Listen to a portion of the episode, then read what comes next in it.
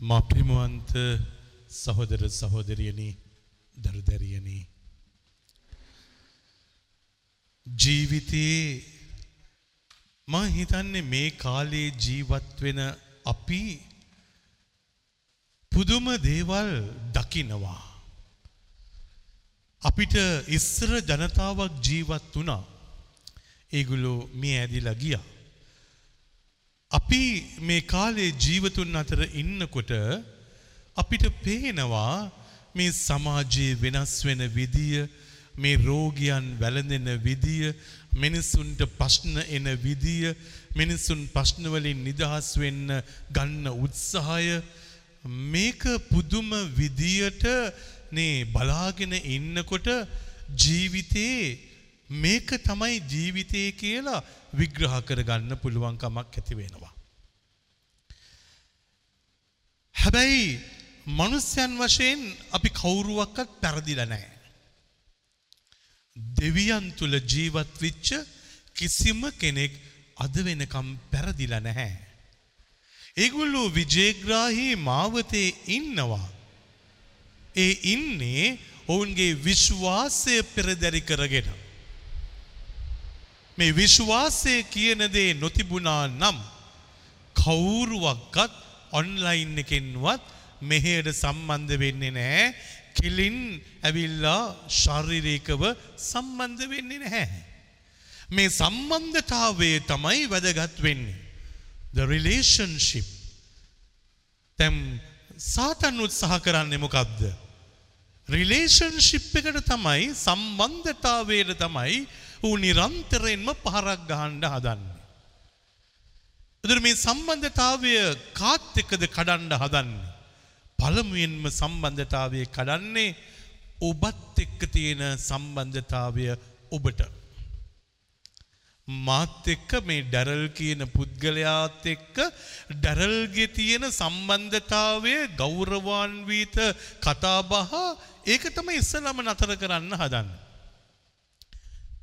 ප්‍රශ්න ටික දීලා කරදර ටික දීලා වේදනාව දීලා හැලහැප්පීම් දීලා අසරණකම් දීලා ණයතුරුස් ටික දීලා අන්තිමට මේ ඩැරල් කියන කෙනාගේ මනසට දාන්න හදනවා නේ මොකද්ද මේ ජීවිතේ? මෙහෙම ජීවත් වෙලා වැඩක් තියෙනවද?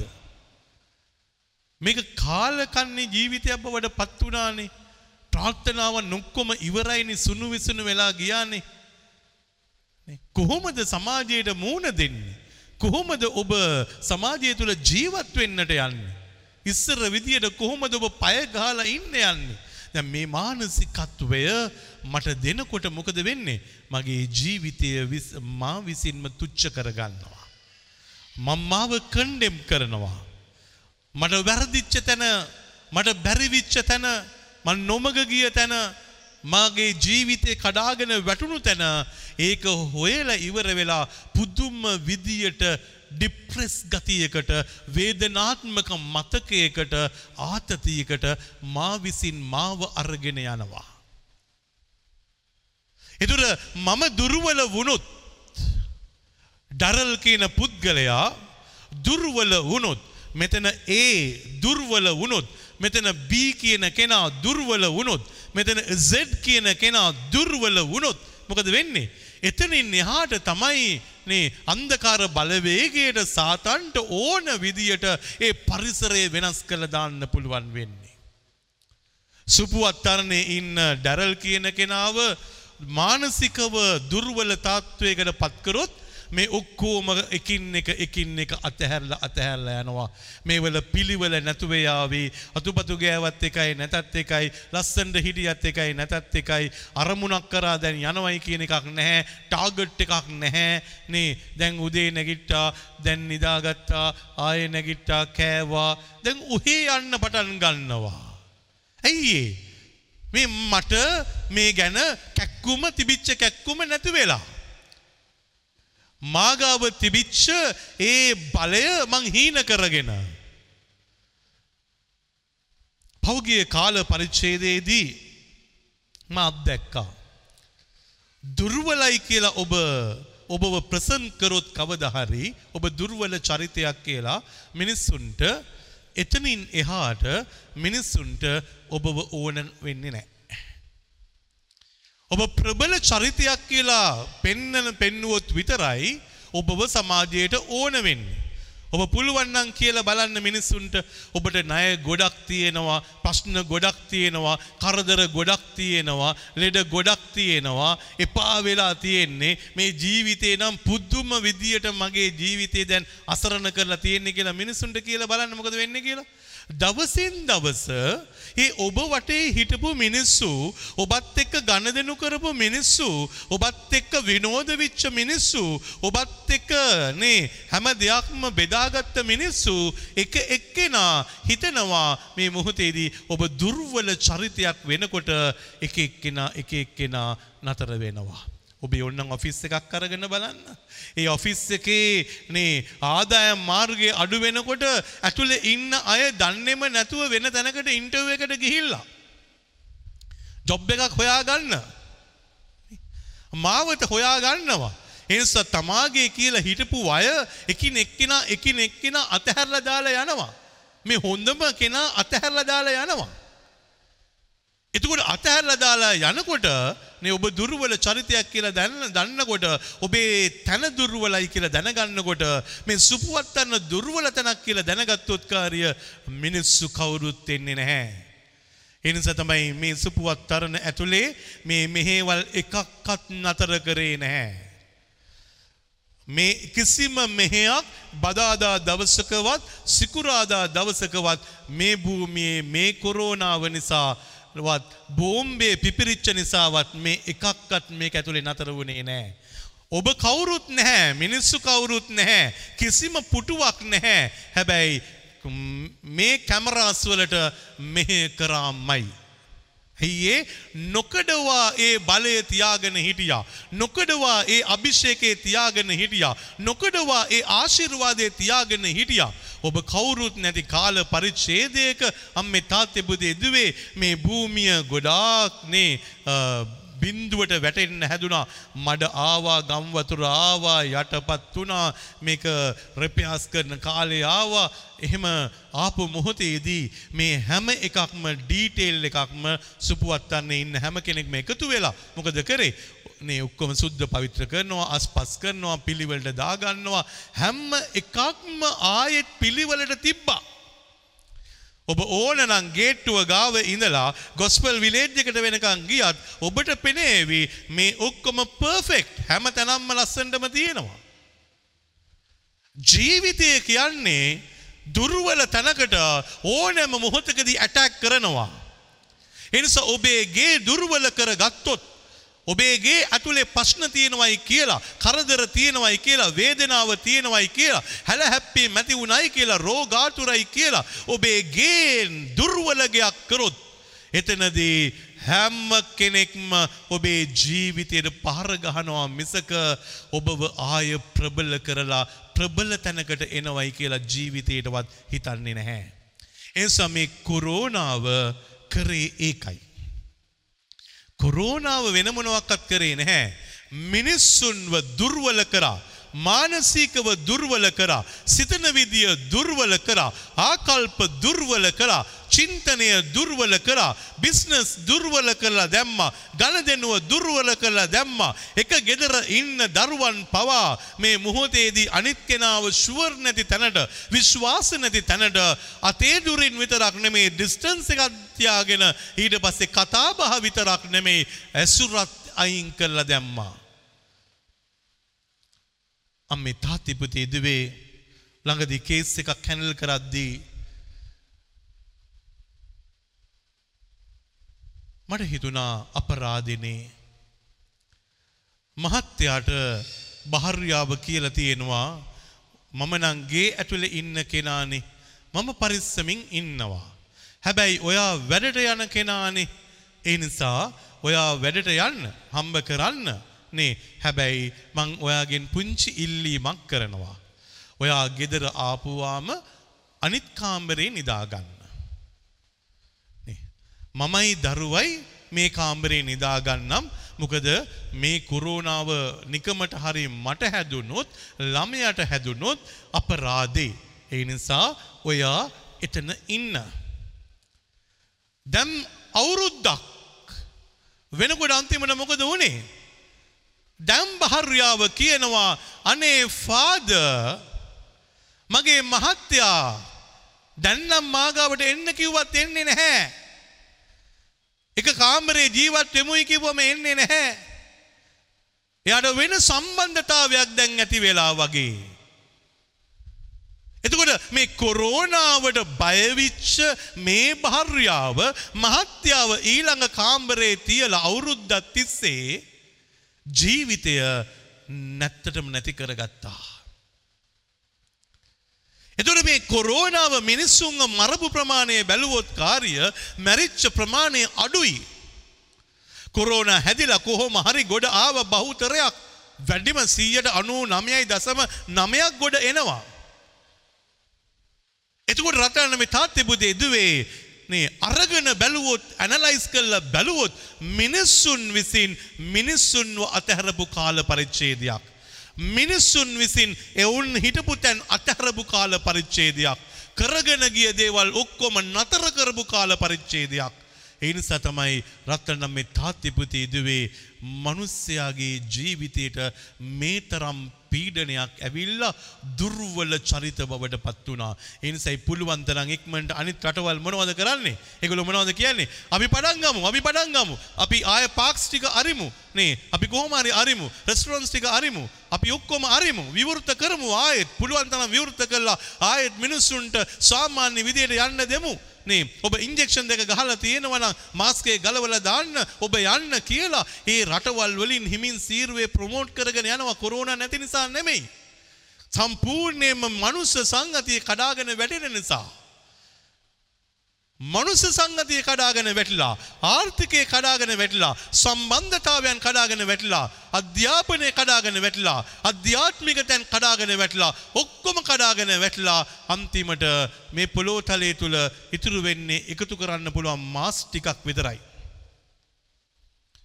මිනිස්සුන්ගේ ජීවිත කඩාගෙන වැටුණට පස්සේ ඒගොල්ලන්ට කොරෝනා නැතිව ලස්සන සුන්දර ලෝකයක් හදලා තිබුණත් හිට ගන්න බැරුව යාවී. නැගිට ගන්න බැරුව යාවී. මේ මානසිකත්වයට දුන්නොත් කාර්ය නේ පුළුවන්නම් ජොබ් එකක් කරන්න නැති කෙනෙක්ව පොඩි කාලේ ඉඳලම බැන්ද දා ඉඳලා එයා ජොබ් එකක් කරන්නේ නැහැ. ඔහේ ඉන්නවා ගෙදරට වෙලා ඉන්නවා. නේ හදිස්සියාරි කියන්න බලන්න ඔයාට 1 මිලියන් දෙන ජොබ් ඔපචුනිටියක් තියෙනවා දැන් රස්සා කරන්න කියලා. එයාට රස්සා කරන්න බෑ. මොකද මේ මානසිකත්වයේ හැදිලා නැහැ රස්සා කරන්න. ඒ නිසා තමයි රස්සා කරන්නේ නැති අය රස්සා කරන්නෙම නැහැ.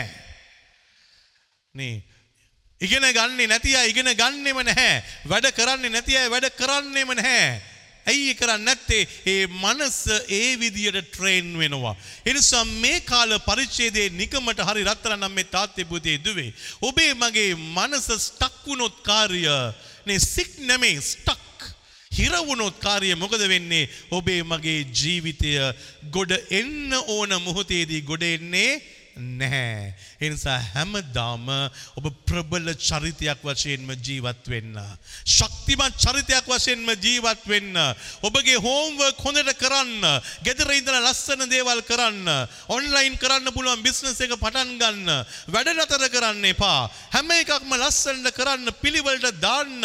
එනිසා ගේ ලස්සනට පින්තාරු කරගන්න අඩුම ගානේ මේ කාල පරිච්ඡේදයේදී ඇයිඒ එතකොට ඔබ හැම වෙලාම ප්‍රබල තරක ජීවත් වෙන්නට යනවා.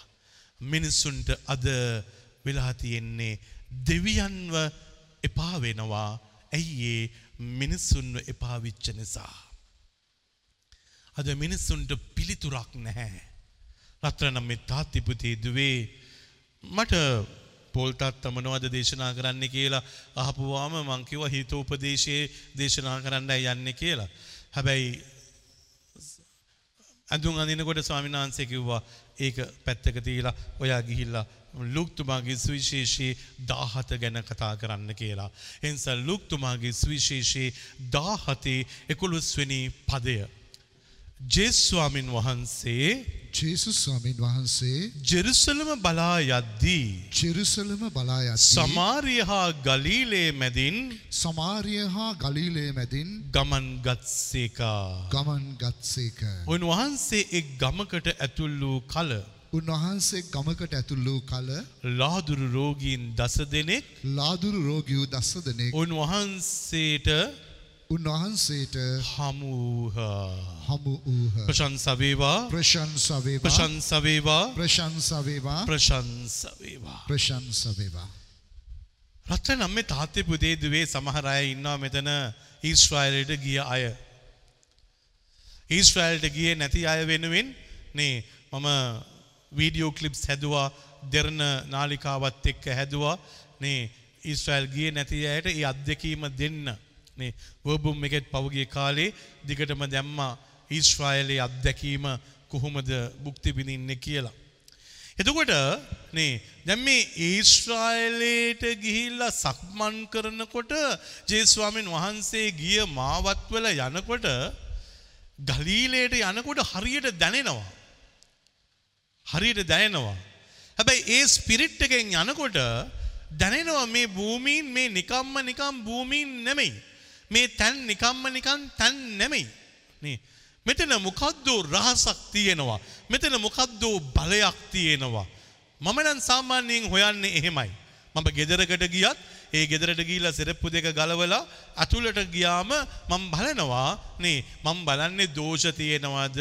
නේ අන්ධකාරයිද කියලා? ඒකන්නම් මම හොයන්නේ නැහැ. මම බලනවා හැම වෙලාවෙම මේගේ මොනතරම් දේවිකත්වයේ තුල සන්නද්ධ වෙලාද?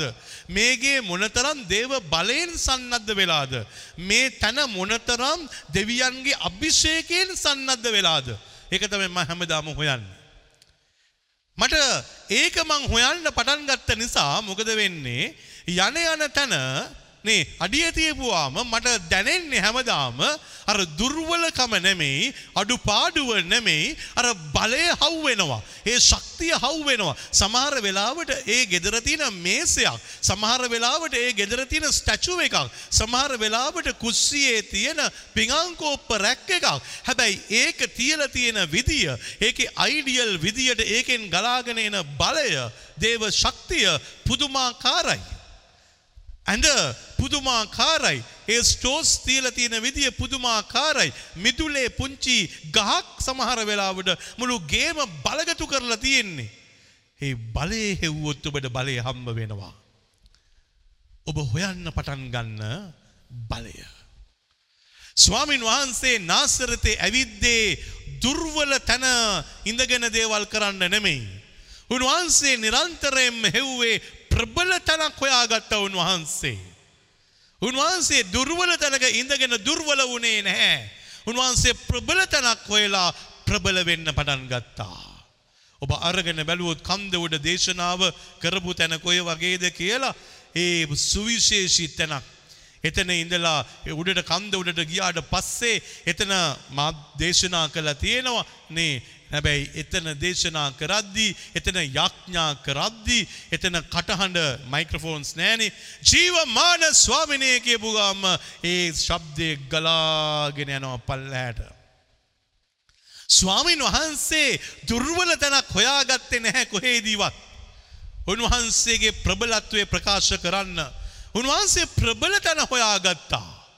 ගලීලේ මුහුදේ උන්වහන්සේ විටින් විට ගොඩ දේශනා කරා තවත් විටක රුවලක් නැත්තම් ඔරුවක් අරගෙන ගිහිල්ලා මැදඉඳගෙන මිනිසුන්ට දේශනා කරා. ඒ මොහොතේ ප්‍රබල විච්ච තැන තමයි උන්වහන්සේ හිටියේ. හැබැයි අද අපි මොකද කරන්නේ අපිට අද ප්‍රබල විච්ච තැන මොකක්ද කියලා ගෙදර දන්නේවත් නැහැ.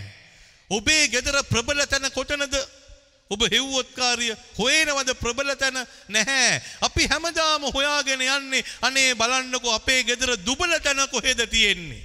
මිනිස්සු ගාවට ගිහිල්ලා පෝලිමේ ඉඳගෙන ගිහිල්ලා අන්තිමට ප්ලෑන් එක පෙන්නලා අහන්නේ පෙන්නන්නකෝ අපේ ගෙදර දුබලකම.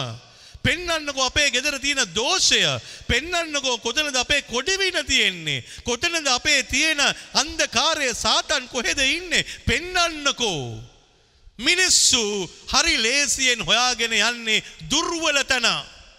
හැබැයි රත්තරනම් මේ තාත්තේ පුතේ දුවේ ඔබ කවද හරි ජීවිතයේ ප්‍රබල තැන හොයනවායි කියලා දැනගත්තට පස්සේ ඔබට හම්බ වෙන්නේ ප්‍රබල තැන් විතරයි. ඔබට හම්බ වෙනවා ප්‍රබල මිනිස්සු. ඔබට හම්බ වෙනවා ප්‍රබල ගස්. ඔබට හම්බ වෙනවා ප්‍රබල භූමීන්. ඔබට හම්බ වෙනවා ප්‍රබල වැලිකට පවා ඔක්කොම බලගතු දේවල් විතරයි ඔබට හම්බෙන්නේ. අපි සොයන දේ තමයි හම්බ වෙන්නේ. එනිසා අපි ගොඩක් වෙලාවට සොයන්නේ මේ මොහොතේදී මට මගේ දුකත් එක්ක සිම්පතයිස් කරන්න පුළුවන් කෙනෙක්ව හොයාගන්නවා. නැද්ද? නේ ඔබ හොයන්නේ ඔබට දුකක් තියෙනකොට ප්‍රබල චරිතයක් හොයනවද? නැහැ. දුකක් තියෙනකොට කාවද හොයන්නේ? මගේ දුක අහගෙන ඉන්න පුළුවන්, මගේ දුක කියන්න පුළුවන් කෙනෙක් ඉන්නවා නම් කොච්චර හොඳයිද? දුක කියනකොට යත් අන්නනවා. අනේ එයාටත් ඇනුණා, මටත් ඇනුණා. කොච්චර සංවේදී කෙනෙක්ද මට හම්බුනේ. අම්බේ තාත්තේ පුතේ දුවේ දුබල කෙනා මොකද වුණේ දුබල කෙනෙක් හොයාගෙන ගිහිල්ලා. ඔබ දුබල වෙලා ඉන්නකොට ප්‍රබල කෙනෙක්ව හොයන්න. ඒ නිසා තමයි රත්න මේ තාත්තේ පුතේ දුවේ ලාදුරු රෝගීන් දුර්වල වෙලා දුර්වල කරලා අයින් කරලා කොන් කරලා ඈත් කරලා පෞකාරයෝ කියලා හංවඩු ගාලා තියෙනකොට ඔවුන් හෙව්වේ දුර්වල චරිත නෙමෙයි. ඔවුන් දුර්වල චරිත හෙව්වේ නෑ. ඔවුන්ට ආරංචි වෙනකොට සමාරිය මැදින් ගලීලෙන් මෙන්න ජේසුන් නසරේනු කියන ප්‍රබල චරිතයක්. එදා සමාජය තුළ ප්‍රබල චරිතයක්. නේ එනිසයි මන් සමහරලට මම කියලා තියෙනවා සමහරට නේ දැන් සමහර අය කැමති නූල් බැඳ ගන්න කියලා කැමති. නේ නූල බැඳින්න ආරක්ෂාවක් දාන්න නේ ඔක්කොම කියලා කියනවනේ. නේ කාගාවටද යන්නේ?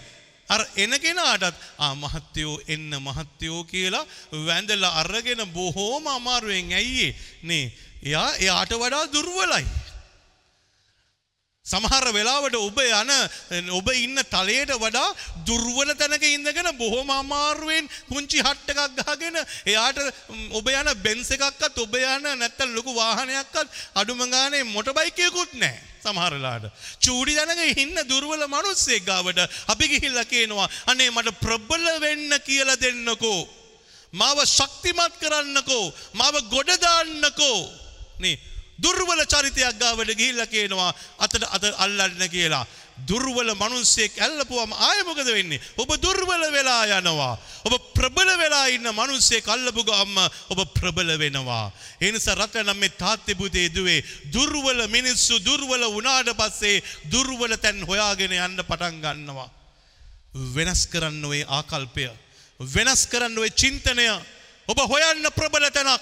ඔබ හොයන්න ප්‍රබල මිනිස්සුන් හොයන්න ප්‍රබල ආශිර්වායිත බලගතු තැනක් හොයාගන්න ජීවිතේ මට නං හම්බිච්ච ආශිර්වාද තැන තමයි සප්‍රසාද ජේස්වාමින් වහන්සේ වැඩ සිටින තැන ඊට වඩා ප්‍රබල තැනක් මට හම්බෙලා නැහැ. මම රජමැදුරට ගිහිල්ලා තියෙනවා ලංකාවේ. මම ගිහිල්ලා තියෙනවා නේ.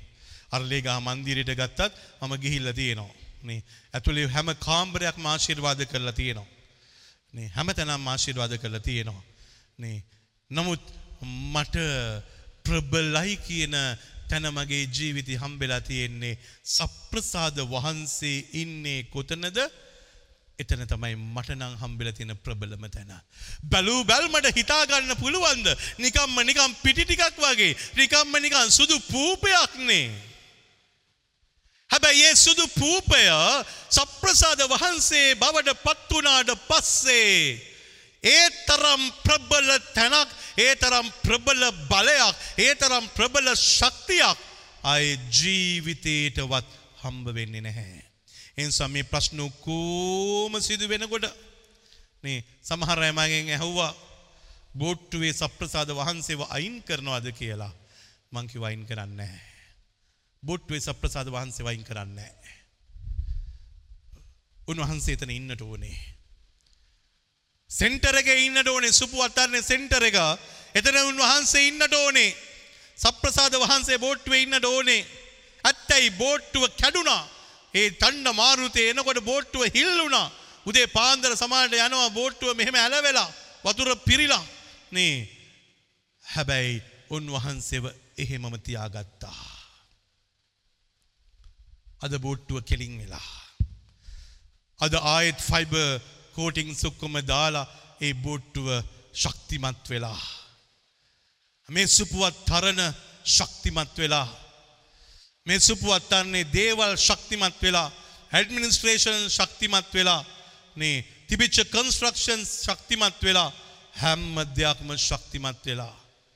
රතන මෙ තාත්තිපුතේ දුවේ චේසු කියන සප්‍රසාද වහන්සේ ඉන්න තැනතරම් ප්‍රබල තැනක් ඔබේ මගේ ජීවිතය අය හොයාගන්න හම්බෙන්නේ. ඒ නිසයි මට දුක හිතුනේ. මම දේශනා කරනකොට කිව්වා අපේ ගමේ තියෙන ප්‍රබලතන අපේ පල්ලිය අපේ දෙව්මැදුර අපේ ටබන කල්ල එක තමයි අපේ ප්‍රබලම තැන. එතන වහන්න එපා. ඒක නතර කරන්න එපා. එතැන්ටෙන මිනිස්සුන්ග නතර කරන්න එපා. මොකද අපි මුළු ලෝකයටම ප්‍රබලතැන් වශයෙන් හොයාගෙන ගියත් අපිව ප්‍රබල කරන්න පුළුවන් තැන සප්‍රසාද ජේස්වාමින් වහන්සේ වැඩ සිටින තැනයි. මන් සන්තුවස වුණා. ආයිත් දෙව්මැදුරු අරන්න කේපුවාම හරිම සන්තුවස වුණා. ඇයිඒ වෙන කිසිම දෙයක් නිසා නෙමෙයි. නේ ආ දැන් යාන්තන් ඇති ආය කානික්ක වැටෙයි. නේ නැහැ. කානික්ක නැති කාලයක කිසිම ආදායමක් නැති කාලයක ඔන්ලයින් එකේ මේ විදියටම මේ වීදම දරාගෙනම නේ මාසයකට ලක්ෂ පහකට වඩා ප්‍රමාණයක් වූනේ මේක වීදම් කල්ල බලාගන්න පඩිනඩි දීලා ලයිට් බිල් ගෙවලා මේ ඔක්කොම කරන්න. මේ එකක්කත් නතර කරේ නැහැ. මේ එකක්කත් නතර කරේ නැහැ. ඇයි නතර නොකරේ නැත්තං කියන්න තිබුණා නේ මේ ඔක්කොම කරගන්න බැහැ නැහැ. ස්වාමින් වහන්සේ ඉන්න තාක්කල් ඩරල් ෆාද ඉන්න තාක්කල් නෙමේ. සමහරලාට සමහරය මට කියන පාද ඩැරල් ඉන්න තාක්කල් මේ ඔක්කොම දුවයි කියලා. නැහැ ෆාද ඩැරල් ඉන්න තාක්කල් නෙමෙයි. ෆාද ඩැරල් දන්න ස්වාමීන් වහන්සේ ඉන්න තාක්කල්. මේ කිසිම තැනත් දුර්වල වෙන්නේ නැහැ. ප්‍රශංසවේවා ප්‍රශංස ප්‍රශංසවේවා ප්‍රශංස වේවා. ප්‍රශංසවේවා. ප්‍රශංස වේවා. එනිසා දුර්වලයි කියපු ලාදුරු රෝගීන් මොකද කරන්නේ. ප්‍රබලයි කියන ස්වාමින් වහන්සේව හොයන්න පටන් ගත්තා. ඒක තමයි වෙනස මෙතන හොයනවා මොනද හොයන්න. ඔවුන් ඇවිල්ලා හොයන්න මේ මුහොතේදී බලන්නකෝ කවරුවර අපිට කොඩි වෙන කරලද කවරුවර අපිට මොනවාර ඉරිශ්ා කරලද මිනිියලු ඉහලද බලන්න ජේසූ කියලා එහෙම කියන්න ඕන කමත් තිබුණද නැහැ. උන්වහන්සේ ඉදිරියේ පෙනී සිටින්න විතරයි ඕනේ. ඒකයි වෙනස සමහර වෙලාවට අපිට ඕනෙ මොනවද මිනිස්සුන්ව සන්තුවසයට පත් කරන්න නේ. සමට මයිකුත් අහනවා ෆාද නිකම් ඇවිල්ල යන්න දෙයන්නේ මොනහරි ගොඩ දානවද ෆාද නේ. එලියට දානවද? හාරණවද ෆාද උදැල්ලක් ඕනද ෆාද ගෙදරට එනවනංකාරිය නේ.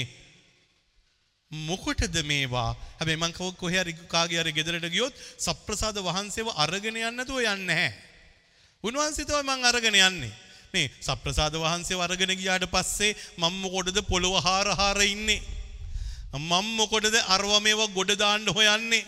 සප්‍රසාද වහන්සේ ඉන්න තාක්කල්.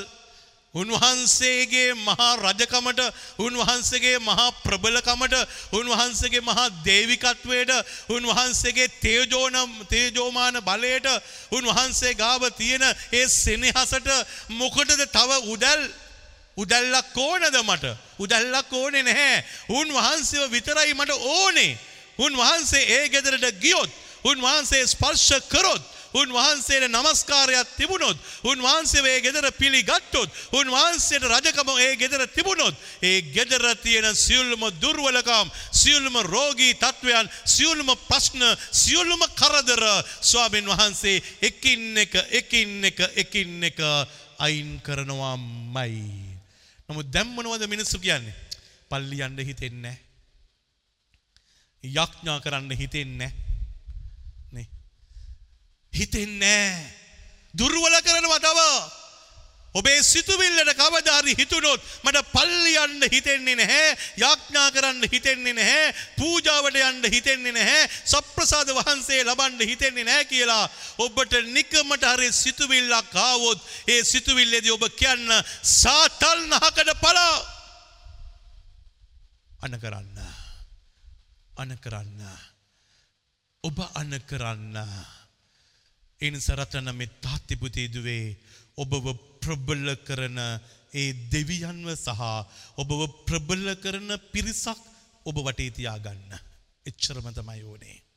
ඔබව දුර්වල කල්ලා වට්ටන පිරිසකට ඔබ එකතු වෙන්න එපා ජීවිතය කවදක්වත්.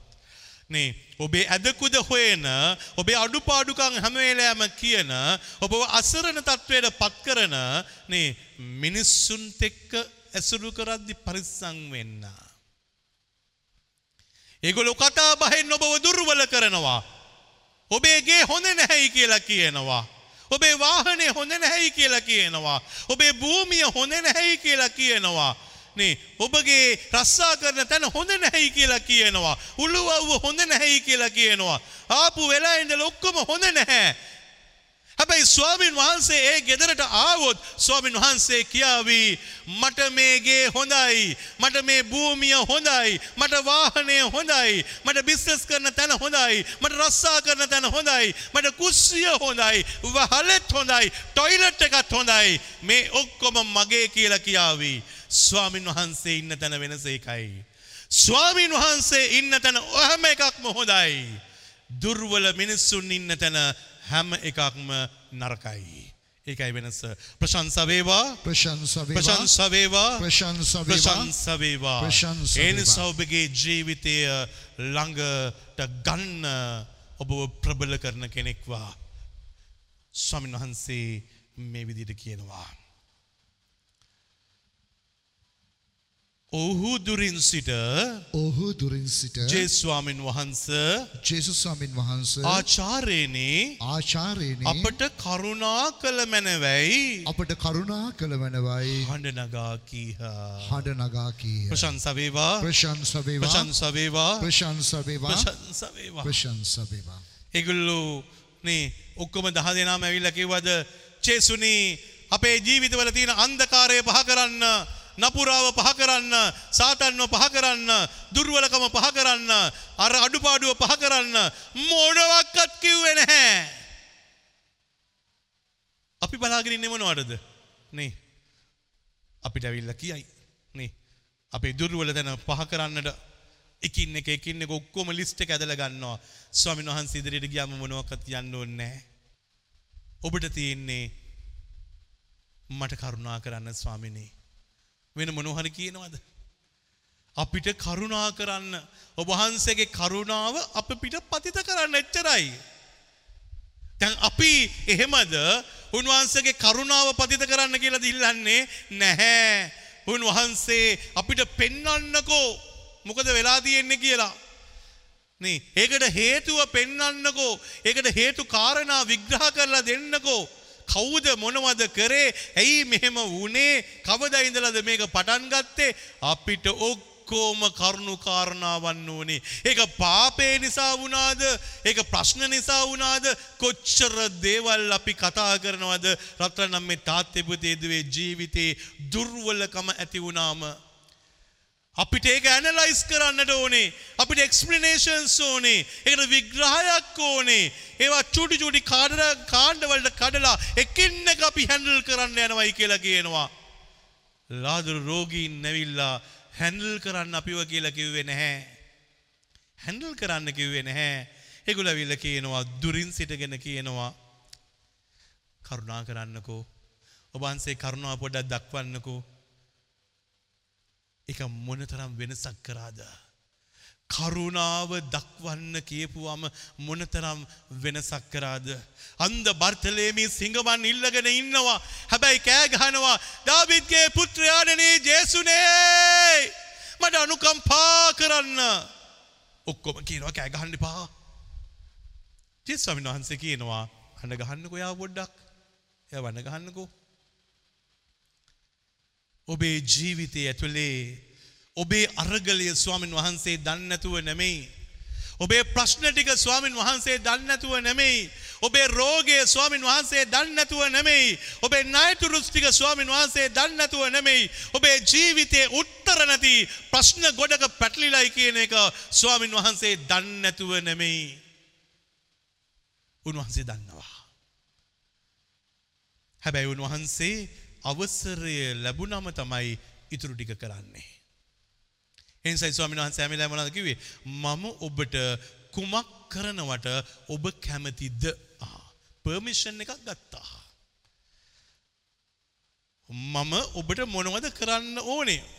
තේ ඒ පර්මිෂන් එක උන්වහන්සේ ගන්නවා ජීවිතේ ඇතුළට එන්න. ජේස්වාමීන් වහන්සේගේ කුරුසේ එහා පැත්තේ හිටපු ස්වරා කියනවා. නේ. ඔබ නම් වැරදි කළ නෑ දුර්වල කළ නෑ. ඔබ මෙම දුක් වින්දට. මම නම් දුර්වල මනුස්සයෙක්නේ ඇත්තනේ. මම පව් කරලා තියෙනවා මිනි මරලා තියෙනවා සල්ලාල වැඩ කරලා තියෙනවා ගොඩක් දේවල් කරලා තියෙනවා. ඔබ වහන්සේම කළා නැහැ. හැබැයි ජේසු ඔබ වහන්සේ නේ ස්වර්ගයට ගියාම මාව ටිකක් මතක් කරගන්න. පාරාදීසයට ගියාම මාව මතක් කරගන්න. ස්වාමීන් වහන්සේ කිව්වද මේ පවුල් ලිස්ට් එක ලියන්න. ඔයා කරලා තියෙන ඔක්කොම ලියලා මගේ කුරුසේ පාමුල දැන් දාන්න. එහෙම කිව්වද ඒව මොනවත් නැහැ. උන්වහන්සේ මොනවද කියන්නේ? එක පාටම අනිත් පැත්ත හැරලා කියනවා අද අද ඔබ මා සමග පාරාදීසයේ කියලා කියනවා. ඒක නිමේෂයයි ගියේ පාරාදීසයට යවන්න. දැන් අපි මොනවද කරන්නේ? එහෙමද නැහැ.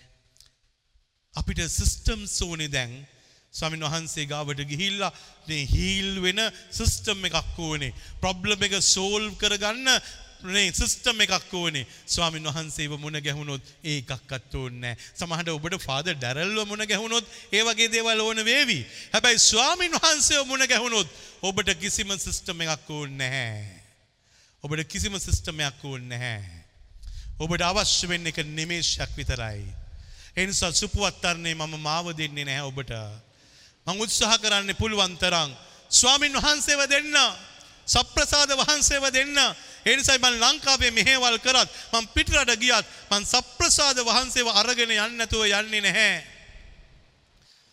යාපෝට් එකේ ෆ්ලයිට් එකේ යනකොට මගේ කුරුසේ ඇතුලේ මගේ සප්‍රසාද වහන්සේ සමහර වෙලාවට නේ ඇමරිකා වගේ යනකොට නේ පෑ 24ක් යනකොට රෑ දවල් වෙනවනේ එතකොට ෆ්ලයිට් එක ඇතුලේ පවා සප්‍රසාද වහන්සේව ලබනවාම තමයි.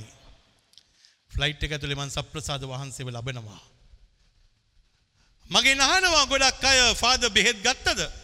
නේ පිටරට යනකොට අහනවා ෆාදර්ගේ බෙහෙත් සෙට් එක ගත්තද? නේ ඇත්තයි බෙහෙත් ගන්නවා. හැබැයි මගේ සප්‍රසාද වහන්සේව මගේ නේ අර පාස්පෝර්ට් තියෙන පෝච් මේ පවුච් එකේ ඒක ඇතුලේ තියෙනවාමයි. සමහර වෙලාවට නේ පිටරට යනකොට ඒගොල්ලෝ චෙක් කරලා ගන්නවා. මෙහෙම අරිනවා.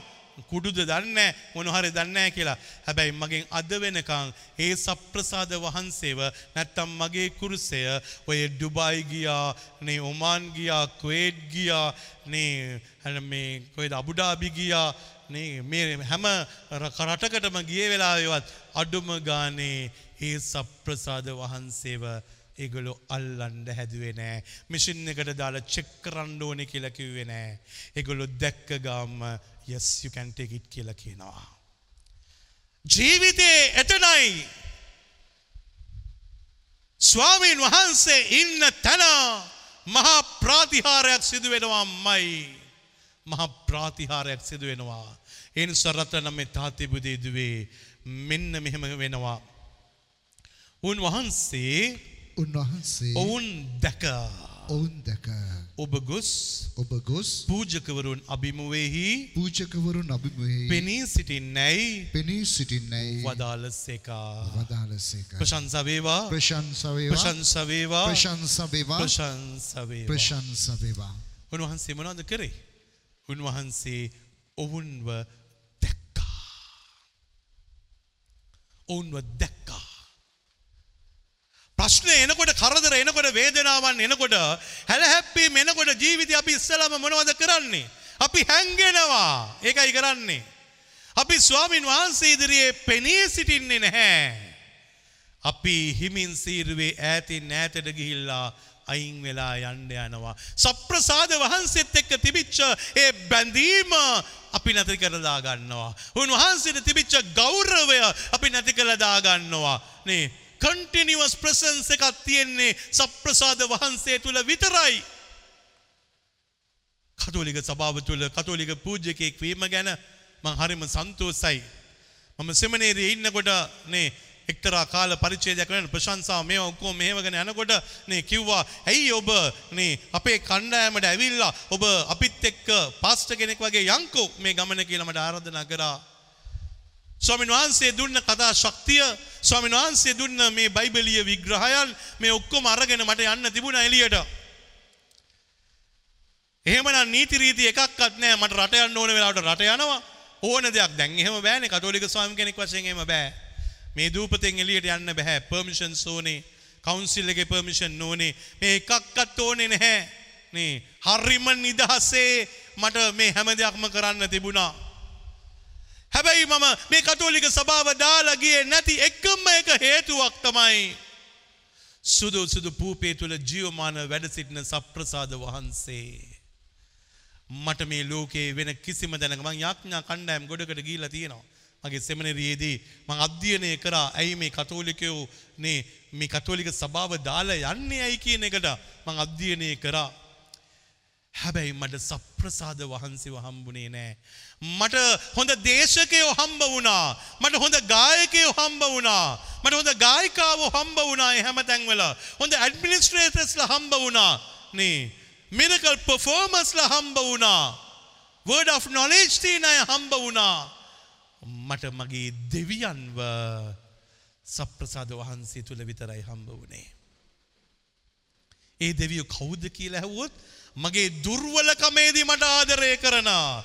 මගේ බැරිභාවේදී මගේ ජීවිතයට ආදරය කරන. මම පව් කරලා තියෙනකොට මගේ ජීවිතයට ආදරය කරන. මගේ නුසුදුසුභාවය දැන දැන ආදරය කරන. මිනිස්සු මම නුසුදුසුයි කියලා දැනගත්තම මිනිස්සු අතහැරලා දානවා.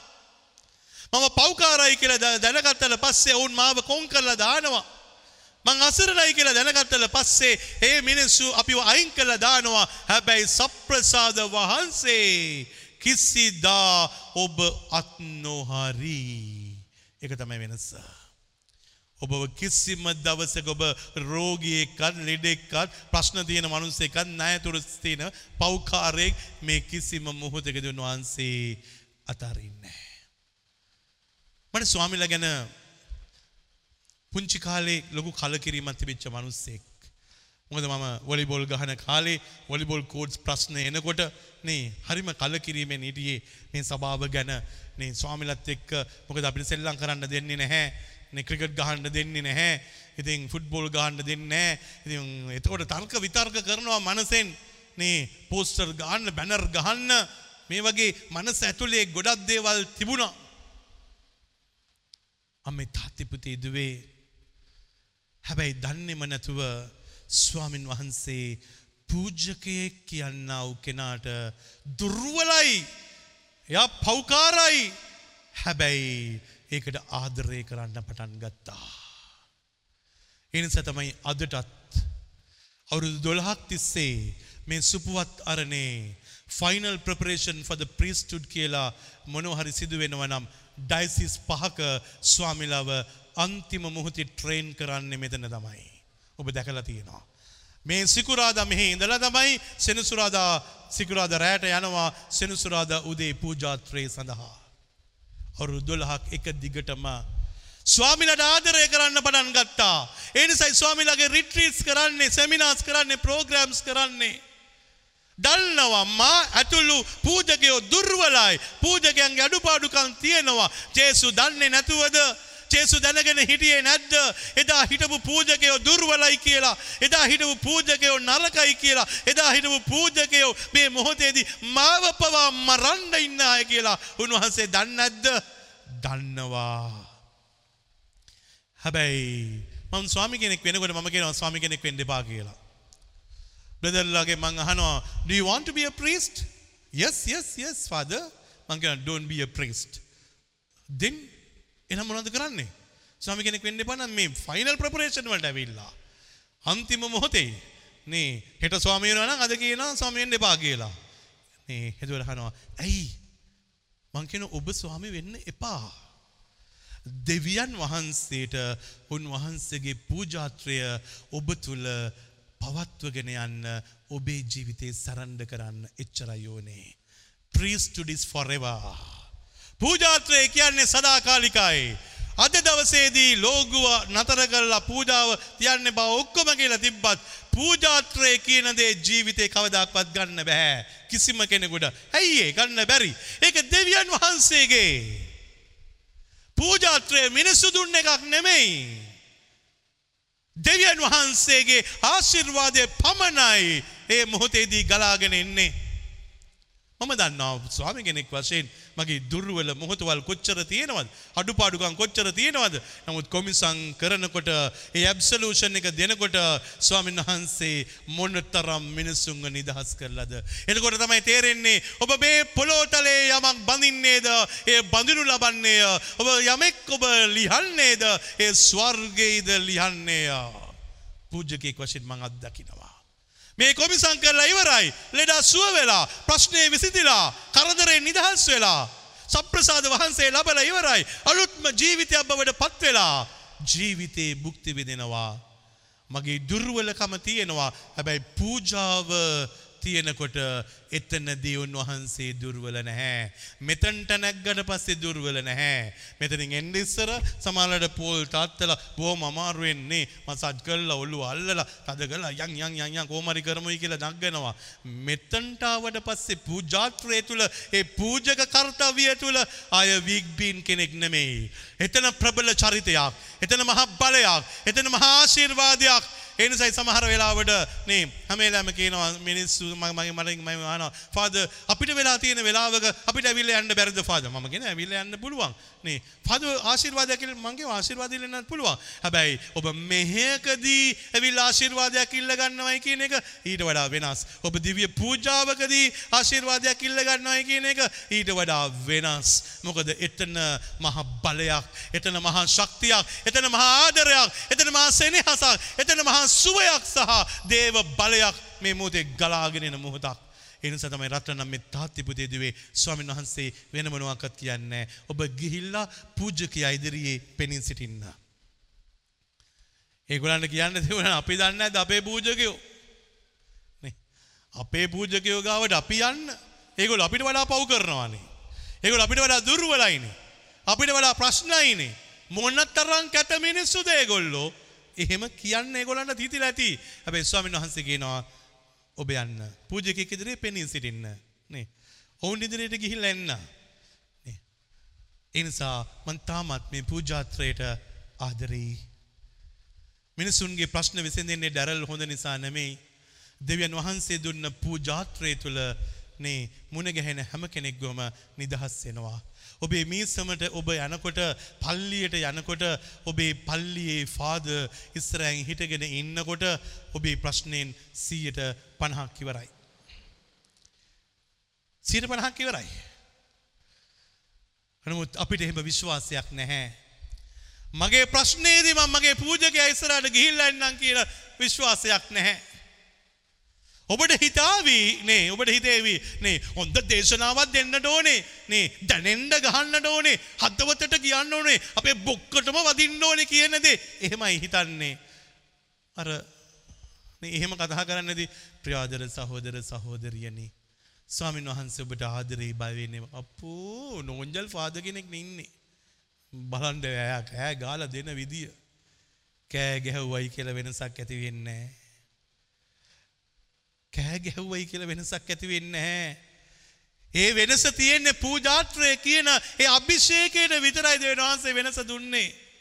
ඒ නිසා තමයි ලෝකේ ඉන්න ලංකාවේ ස්වාමි කෙනෙකුත් එකයි, ඔමාන් වල ඉන්න ස්වාමිත් එකයි, ඇමරිකාවේ ඉන්න ස්වාමිත් එකයි. නේ මුළු විශ්වයේම ඉන්න ස්වාමිලා ඔක්කොම එකයි. ඒක ඇතුලේ හයි ග්‍රේඩ්, ලෝ ග්‍රේඩ් ඒ එකක්වත් නැහැ පූජාත්‍රය තුල.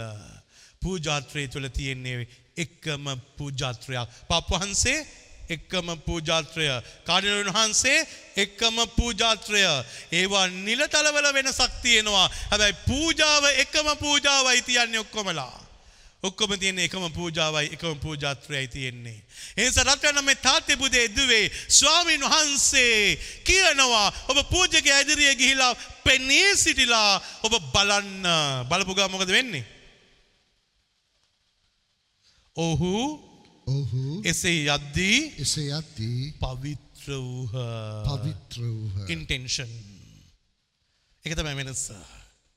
ඔබ ස්වාමි කෙනෙක් හොයනවා කියලා පූජාත්‍රය තුළ ඔබ යනවයි කියන පාරෙම ඔබ හොඳයි. එක තමයි වෙනස. යනවයි කෙනකොටම ඔබ වෙනස් වෙනවා. නමුත් ඒ වෙනස මිනිස්සු දන්නේ. මේ රහස මිනිස්සු දන්නේ නැහැ. ඒස මිනිස්සු දන්නේ අයියෝ අපේ කතෝලික ස්වාමිලා ගන්න දෙයක් නෑනේ වැඩක් නෑනේ මොනවද ඒගොල්ලෝ කරන්නේ මොනවක් නැහැ ගේතුල් නිකම්ම ඉන්න පුළුවන්. සමහරට මගෙන් අහලා දෙනවා ස්වාමීලා පොල් ගන්නවද දන්නේ නෑනේ සෙමිනේරිය එච්චර කල්. නේ අපිට නෑනේ හොඳ පවර්ෆුල් ප්‍රීස්ලා නෑනේ. පව තියෙන්නේ කතා කරන ශෛලය තුල නෙමෙයි anointing එකේ. අභිෂේකය තුල විතරයි පව එක තියෙන්නේ.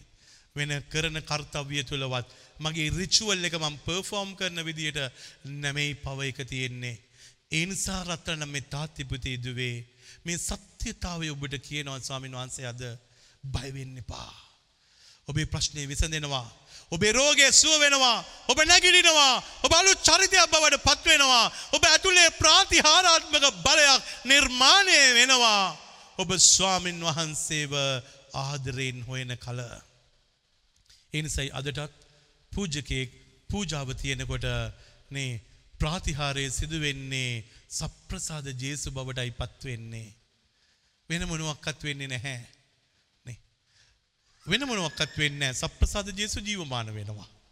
පූජාව තියෙනකොට. එනිසා මේ සප්‍රසාද වහන්සේ ඔබ මුණ ගැහෙනකොට ඔබේ ජීවිතේ වෙනස් වෙන තොට කියනවා මේ විදියට. ඔවුන්ගෙන් එක්කෙනෙක් තමා සූබ දැක තමාසූ බද මහහඬින් මහා දෙවන් වහන්සේට ගෞරවය කරමින් දෙවන් වහන්සේට ගෞරවය පෙරලා අවුත් පෙරලා උන්වහන්සේ පාමුල වැඳ වැටි. උන්වහන්සේගේ පාමුල වැද උන්වහන්සේට ස්තුති කළේයා. උන්වහන්සේට ස්තුති ප්‍රශංසා. වේවා. ප්‍රශංසා වේවා. ප්‍රශංසා වේවා. ප්‍රශංසා වේවා. ඒක තමයි රහස ගොඩක් අය දන්නේ නැති රහසක් තියෙනවා. මොකද්ද? ග්‍රැටිටියුඩ් ස්තුතිය කියන එක දන්නේ නැහැ. බාර කොච්චර වෙනවද මිනිස්සු? බාර වෙනවා. හැබැයි වැඩේ හරි ගියාට පස්සේ බාරය මතක නැහැ. වැඩේ හරි ගියාට පස්සේ නේ සමහර අය මටත් කියලා දෙනවා ෆාදර් අපි ළමයි නෑ ෆාදර් ළමයි නෑ ෆාදර් කියලා ළමයි නෑ කියනවා. ළමේ කම්මෙන් ආවා. හැබැයි ආයේ පල්ලි එනවද? නැහැ. දැන් ළමේ කම්බින් ඉන්නවනේ ෆාදර් ඒ නිසා පල්ලි එන්නේ නැහැ ළමයා හම්බ වෙනවා ආයේ පල්ලි එනවා නෑ ෆාදර් තාම ඉතින් මාස 3ක් 4ක්වත් ගියේ නෑනේ ෆාදර් දෙවියන් වහන්සේගේ වරප්‍රසාද හම්බ වෙනකං උදේ ඉඳලා හැන්දෑ වෙනකම්ම අපි මොර ගහනවා. හැබැයි දෙවන් වහන්සේගේ ආශිර්වාදය ලැබෙනකොට ආ දෙවන් වහන්සේගේ සුවය ලැබෙනකොට ස්වාමීන් වහන්සේගේ අභිෂේකය ලැබෙනකොට ස්වාමීන් වහන්සේගේ ආදරය දෝරගලනකොට එතනදී අපි ආයෙත් උන්වහන්සේව අතහැරලා දානවා. ස්වාමීන් වහන්සේට ගෞරවය කරන ග්‍රැටිටියුඩ් එකක් තියෙන කෙනෙක් වශයෙන් ජීවත් වෙන්න එතන තමයි අර සුවේ මුද්‍රාව ඒ සුවේ බලය නිදහසේ බලය හම්බ වෙන්නේ එතනයි. ඔබේ අම්මට ගිහිල්ලා thank you කියලා කියනකොට තමයි ඔබේ ජීවිතේ සාර්ථක වෙන්නේ. ඔබේ තාත්තට thank you තාත්තේ කියනකොට තමයි සාර්ථක වෙන්නේ. ඒ නිසා අද අපි මොනවද කියන්නේ? ඇයි මොනවටද thank you කියන්නේ? ඒක ඉතින් එයාගේ යුතුයකමනේ. එනිසා තාත්තට thank you කියන්නේ. ස්වයං පුරුෂයාට thank you කියනකොට තමයි බලය හම්බ වෙන්නේ. හැබැයි දැන් අපි යාට මොකටද අනේ thank you කිය කිය ඉන්නේ? එයා ඉතින් මාව බැන්දනම් එයා දැනගන්න බෑ මාව බලා ගන්න. thank you නෑ. ස්තුතියි කියන වචනය මේ පොළොතලයේ තුල තියෙන සීල් එකයි. ග්‍රැටිටියුඩ් කියන කෙලෙහි ගුණ දන්නවයි කියන එක මේ පොළොතලයේ තුල තියෙන මහා අභිෂේකයයි. මිනිස්සු අභිෂේක ලබන්නේ නැත්තේයි. ගටටියුස් නැහැ. සූති අතහැරලා දානවා. Take it for granted. හැම දෙයක්ම කමන්න යන්නේ ඔය ඕක ඉතින් වෙලා ඉවරයි. ස්වාමීන් වහන්සේ කියනවා හොයලා ආපු එක ස්තුති කරන්න ආපු එක එතන තමයි ජීවිතයේ සාර්ථකත්වය. ඔබේ සාර්ථකත්වයේ තියෙන්නේ එතනයි. එන්ස සමහරලාට මං අහනවා ඔබ දැන් ගොඩාක් දියුණු වෙලානේ නේ? ඔබ ක්‍රිස්තියානි කරපු පල්ලියට ඔබ යනවද? දියුණු වෙලා ඉන්නකොට ඔබ දේවදරුවෙක් විච්ච තැන මතකයිද? කොහෙද ක්‍රිස්තිය ෆාද මට මතකත් නෑනේ ෆාද ක්‍රිස්තියානි කරේ කොහෙද කියලා දන්නෙත් නෑනේ පාද. ක්‍රිස්තියානි කරපු දවස? ආ, ඒකත් මතක නෑ. ඒවා මතක නැහැ. දෙවියන් වහන්සේ ඔබව දේව දරුවෙක් බවට පත්කරපු තැන පළවෙනි වතාවට ශුද්ධ වූ තෛලයෙන් ඔබගේ හිසේ ඔබේ පපුවේ ආලේප කරපු තැන. අන්ධකාරය නපුරාව පහකරපු තැන. ජම්ම පාපයෙන් ඔබව නිදහස් කරපු තැන. අපිට මතක නැහැ. අපි අද ගොඩත් තැන්වලට යනවා. හැබැයි ක්‍රිස්තියානි කරපු තැනට අපි ගිහිල්ලා ඒ බලය උරලා ගන්නේ නෑ. ගිහිල්ලා බලන්න. ඔබට ප්‍රශ්න ආපුවාම කරදර ආපුවාම හැල හැප්පීම ආපුවාම මම වෙඩින් එක වෙඩින් එකක් තියෙනකොට මේ කපල් එකට මම කියන දෙයක් තියෙනවා. මොනවද කියන්නේ? පුතේ දුවේ නේ දේශනා ඉවර ගන්න එහෙම තමයි. නේ පුතේ දුවේ ඔබට ප්‍රශ්නයක් ආවොත් කරදරයක් ආවොත් මොනවා හරි පෞල් ජීවිතේ හැල හැප්පීමක් ආවොත් ඔබ එහෙට මෙහෙට දුවන්නේ නැහැ. එන මොනවද කරන්න ඕනේ? ඔබව විවාහ විච්ච විවාහ කරන්න දුන්න මේ පල්ලියට ඇවිල්ලා මේ ගරාදි වැටගාව ජන ගහලා ඒ ස්වාමින් වහන්සේට බාර දෙන්න. එතන තමයි බලය. ඔබ එකතු කරපු තැන. අද අපි ප්‍රශ්න ආපුවම මෙහෙම යනවද? කරදර ආපුවම ඔබ බැඳ තැනට යනවද? නැහැ. ඒවා මතක නැහැ. එනිසා ස්වාමින් වහන්සේ කියනවා ඔබ හැරිලා ආවොත් ඔබ ආයේ ස්තුති කරන්න ආවොත් ඔබ නමස්කාරයට ආවොත් එතනදී ඔබේ ජීවිතය සම්පූර්ණයෙන්ම ආයෙත් උන්වහන්සේගේ අතට ගන්නවා එකයි වෙනස. ගියයි කියලා සූවුණයි කියලා නෙමෙයි උන්වහන්සේ අතට ගන්නෙ. හැරිලා ආපුවාම උන්වහන්සේගේ අතට ගන්නවා ඒ ජීවිතය. උන්වහන්සේගේ අතට ගත්තට පස්සේ නියමුවා වශයෙන් උන්වහන්සේ ඔබේ දුකේදිත් සැපේදිත් වේදනාවේදිත් කරදරේදිත් අත්හැරීමේදිත් මේ හැම මොහොතකදීම ඔබව දුර්වල වෙන්න දෙන්නේ නැතුව ප්‍රබල චරිතයක් වශයෙන් ඔබව තියාගන්නවාමයි. ප්‍රශංසා වේවා. ප්‍රශංසා වේවා. ප්‍රශංසා වේවා. ප්‍රශංසා වේවා. ප්‍රශංසා වේවා. ප්‍රශංසා ඒ නිසා අන්තිමට ස්වාමීන් වහන්සේ මේම කියනවා ජේසුස් ස්වාමීන් වහන්සේ කතා කරමින් ජේසුස් ස්වාමීන් වහන්සේ කතා කරන දහ දෙනෙක්ම පවිත්‍ර වූවා නොවේද? දහ දෙනෙක්ම පවිත්‍ර වූ නොවේද? අනික් නව දෙනා කොහේද? අනෙක් නව දෙනා කොහෙද? මේ විජාතිකයා හැර මේ විජාතිකයා දෙවියන් වහන්සේට ගෞරවය කරන පිණිස දෙවියන් වහන්සේට ගෞරවය කරන වෙන පිණිස කිසිවෙක් හැරියාවේ නැද්ද කියා? වෙන කිසිවෙක් හැරියාවේ නැද්ද කියා? ඔහුට කතා කොට.